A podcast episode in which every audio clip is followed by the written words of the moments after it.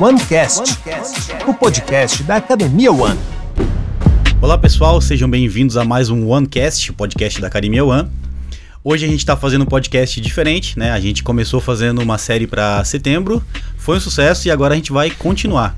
O podcast de hoje tem como tema o sonho que virou realidade. É, vou fazer uma pequena introdução aqui. Na Grécia Antiga surgiram os primeiros treinamentos que se tem notícia.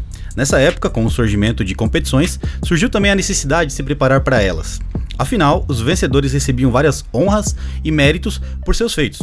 Praticamente eram disputas para mostrar as capacidades físicas de cada participante, aprimoradas por cada competidor. O tempo passou, as competições evoluíram e a forma de treinamento para elas também. A necessidade de treinamento ficava cada vez mais evidente e também mais organizada. Pois bem, chegamos às academias, lugares criados para um aprimoramento das valências físicas de cada ser humano. Já nos tempos modernos, as academias eram centros de alterofilismo e também de fisiculturismo, muito por conta dos filmes da época. Quem não conhece Schwarzenegger, Van Damme e outros nomes que também figuraram aí nas telinhas. Hoje as academias mudaram. Existem vários modelos, diversas formas de se fazer academia. Por isso, está aqui com a gente nosso convidado especial, o William, fundador e proprietário da academia One Saúde Esportes. Tudo bem, William? Seja bem-vindo. Tudo bem, Felipe? Obrigado. Aqui também com a gente a Kathleen, nossa gerente, nossa querida Kathleen, já esteve com a gente nos outros podcasts. Tudo bem, Fê? Tudo bem, pessoal? Então, William, é, a gente acabou de falar aí como surgiu as academias, né? Mais ou menos a gente deu uma explanada de como, é, ao longo da história, de uma forma bem sucinta, como as academias aconteceram. E a One, se fosse pra gente falar da One, como a One aconteceu? Como surgiu a Academia One? Eu sempre fui empreendedor, eu trabalhei muitos anos na área da gastronomia, né? E uh, com vários tipos de restaurantes. E eu também sempre fui esportista. Desde pequeno eu surfei, eu joguei tênis quando juvenil.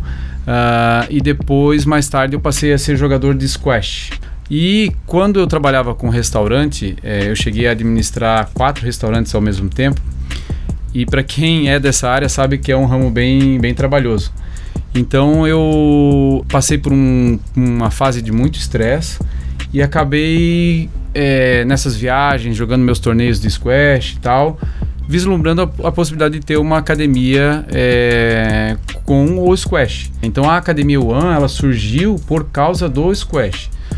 E, mas logicamente, aí a gente, com a veia empreendedora, a gente foi atrás de informações e ver o que, que o mercado mais aceitava. Eu e um meu ex-sócio, o Sérgio Paulo, que foi meu sócio de 2007 a 2010, a gente achou um imóvel bacana que tive, é, deveria ter um pé direito alto por causa da modalidade do squash, né? Então tinha que ter um pé direito lá de no mínimo 6 metros de altura, então que não era fácil na época achar um imóvel assim. E, mas enfim, achamos um imóvel adequado e resolvemos montar a Academia One. Hoje é uma academia bem completa, que envolve várias modalidades, mas uh, o foco sempre foi envolvendo o esporte. Né? Na época a gente começou com o squash, uh, tínhamos escalada também, o Pilates, uh, que era diferente na época, já ninguém, ninguém falava em Pilates, a One já Uma tinha. coisa nova, né? É, a One já tinha Pilates em estúdio desde 2009. Né? Então, daí que surgiu o, o, sonho de ter uma academia, foi voltado principalmente por causa do, de eu ter essa veia do esporte e que eu também estava buscando uma outra coisa para fazer e achava que era uma coisa mais fácil ter uma academia, né? Achava que Doce era só, só juntar um dinheiro, comprar os equipamentos, né? Deixar tudo bonitinho lá e abrir as portas e lê do engano, né? É, hoje é bem mais escaldado, eu sei que é muito diferente disso. Ela sempre foi voltada para a saúde e, e, e esportes, tá? Isso desde o começo. Ah, desde dos equipamentos que a gente comprou, o, os pesos, a quantidade de peso que a gente comprou já foi voltada para um público mais qualidade de vida. Isso Ela foi programada já dessa já forma? foi programada. Desde as pessoas que a gente contratou lá. Sempre tiveram esse perfil mais qualidade de vida e esporte, uhum. tá? É, mas, logicamente, como eu falei, a gente vai aprendendo ao longo da caminhada. E, no entanto, que a academia, quando ela nasceu, o nome dela era One Squash e Fitness. Depois virou One fitness e esportes e agora mais recentemente já na, na- vocês participam disso virou One Saúde e Esportes né? Porque a gente acredita, e isso é, é- eu presenciei muito ao longo desses 13 anos, que as pessoas cada vez mais têm a consciência de que a atividade física ela é para a vida inteira. Tá? Não é uma coisa de, ah, porque eu quero fazer um esporte para me divertir, ah, porque eu quero ficar bonitão, é, ah, porque eu preciso corrigir um- uma coisa que eu, um problema de saúde.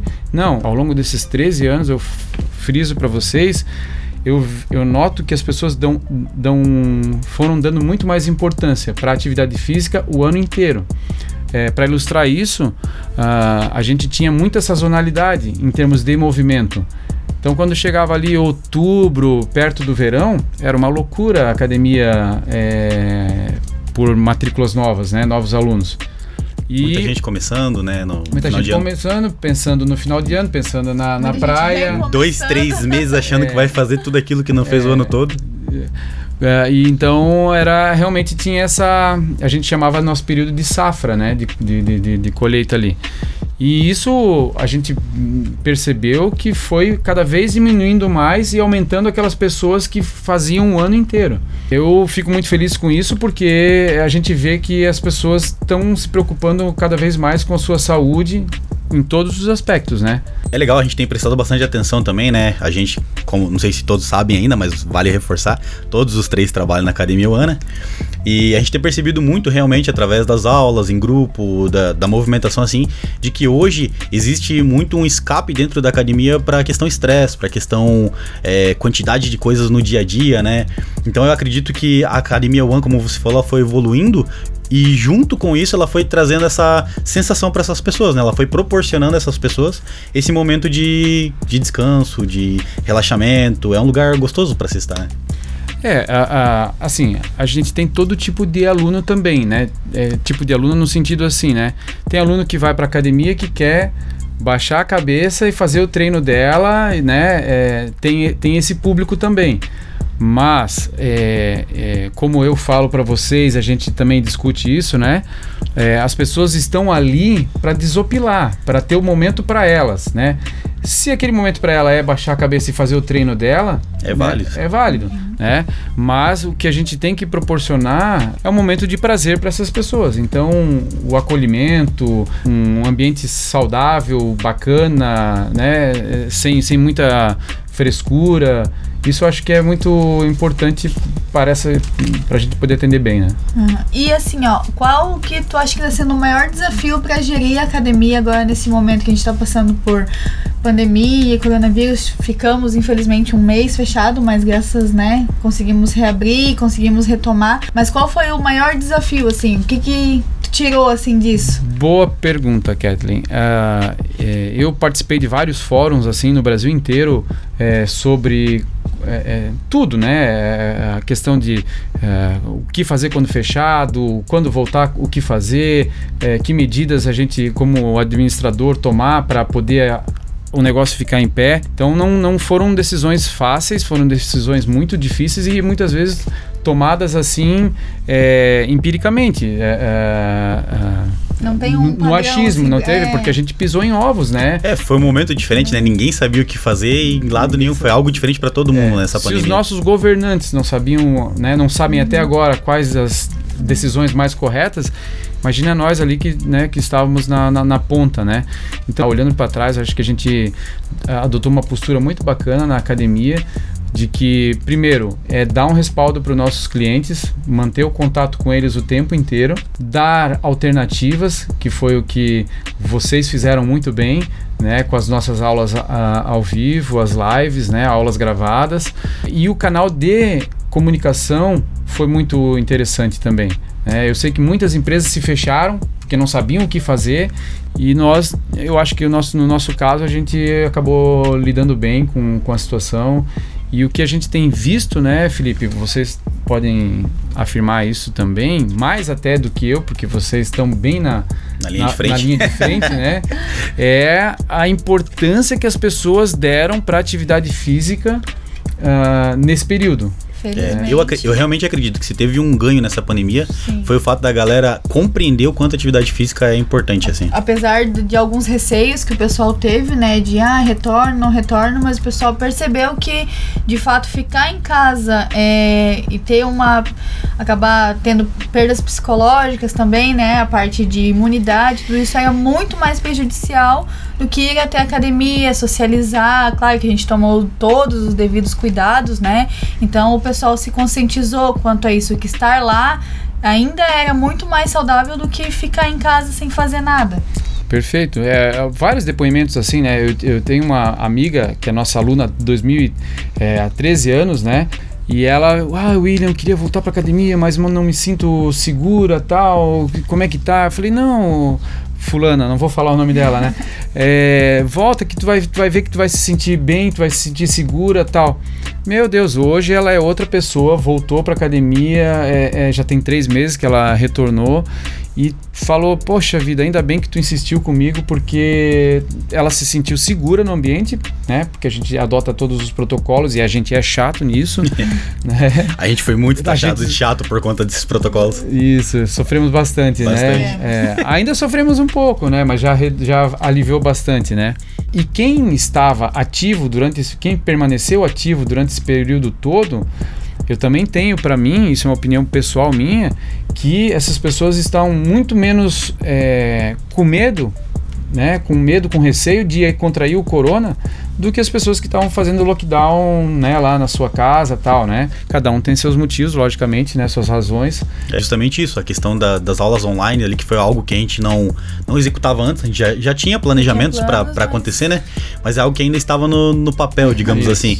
E que aconteceu e foi justamente isso, tipo, essa galera que ficou em casa, até teve muita gente que nem praticava atividade física, filho, vó, tio, tia, e que passou nesse período aí a praticar as aulas online que a gente forneceu ali nesse período, né? Isso é, é bacana demais, né? Ver o quanto é uma dificuldade, na verdade, gerou algo novo, algo diferente. Talvez despertou outras pessoas para esse momento aí de, de saúde, né? Ah, depois dessa experiência, por isso que nós estamos aqui, Exatamente. fazendo um podcast. Então, Esse assim, podcast nasceu disso, hein? É, nasceu da pandemia. então, assim como nós, né, na nossa empresa aqui, eu acho que muitas pessoas é, nas empresas ou é, é, pessoas físicas também tiveram que encarar os seus desafios aí. E é isso aí, pessoal. É a gente tem que. é, Trazer uma versão melhorada, né? Isso. Tivemos que literalmente ficar em movimento de alguma forma. Mas então, e falando justamente em melhorar, em trazer uma versão melhorada, em evoluir, quais são os rumos que você pretende que a academia tome daqui pra frente, né? A gente sabe que a gente tá, faz parte disso aí de alguma forma, mas qual seria esse caminho? Então, Felipe, eu é, também já falei para vocês, né, que a, a gente olha para trás e vê tanta coisa que a gente já fez. E o que me motiva muito, né, é que a gente ainda é um bebezinho, a gente tem tanta coisa para evoluir, para melhorar. Então, eu, sinceramente, eu nunca tive tão motivado com, o nosso, a, com a nossa atividade do que como eu fiquei agora nesse, nesses últimos dois anos, eu vou falar. Esse ramo é um ramo muito dinâmico, é um ramo onde a gente consegue trazer realmente mudar a vida de muitas pessoas. Com né? toda certeza. Inclusive, vocês também testemunharam, porque o, no antigo, no, no tema passado do, do podcast era a questão de, do O setembro amarelo. Setembro Amarelo, né? Que falava da depressão, do suicídio, dessa coisa toda, né? E a gente tem vários casos na academia que as pessoas conseguiram dar a volta por cima justamente por se inserir ali num meio saudável, num meio Exatamente. social bacana.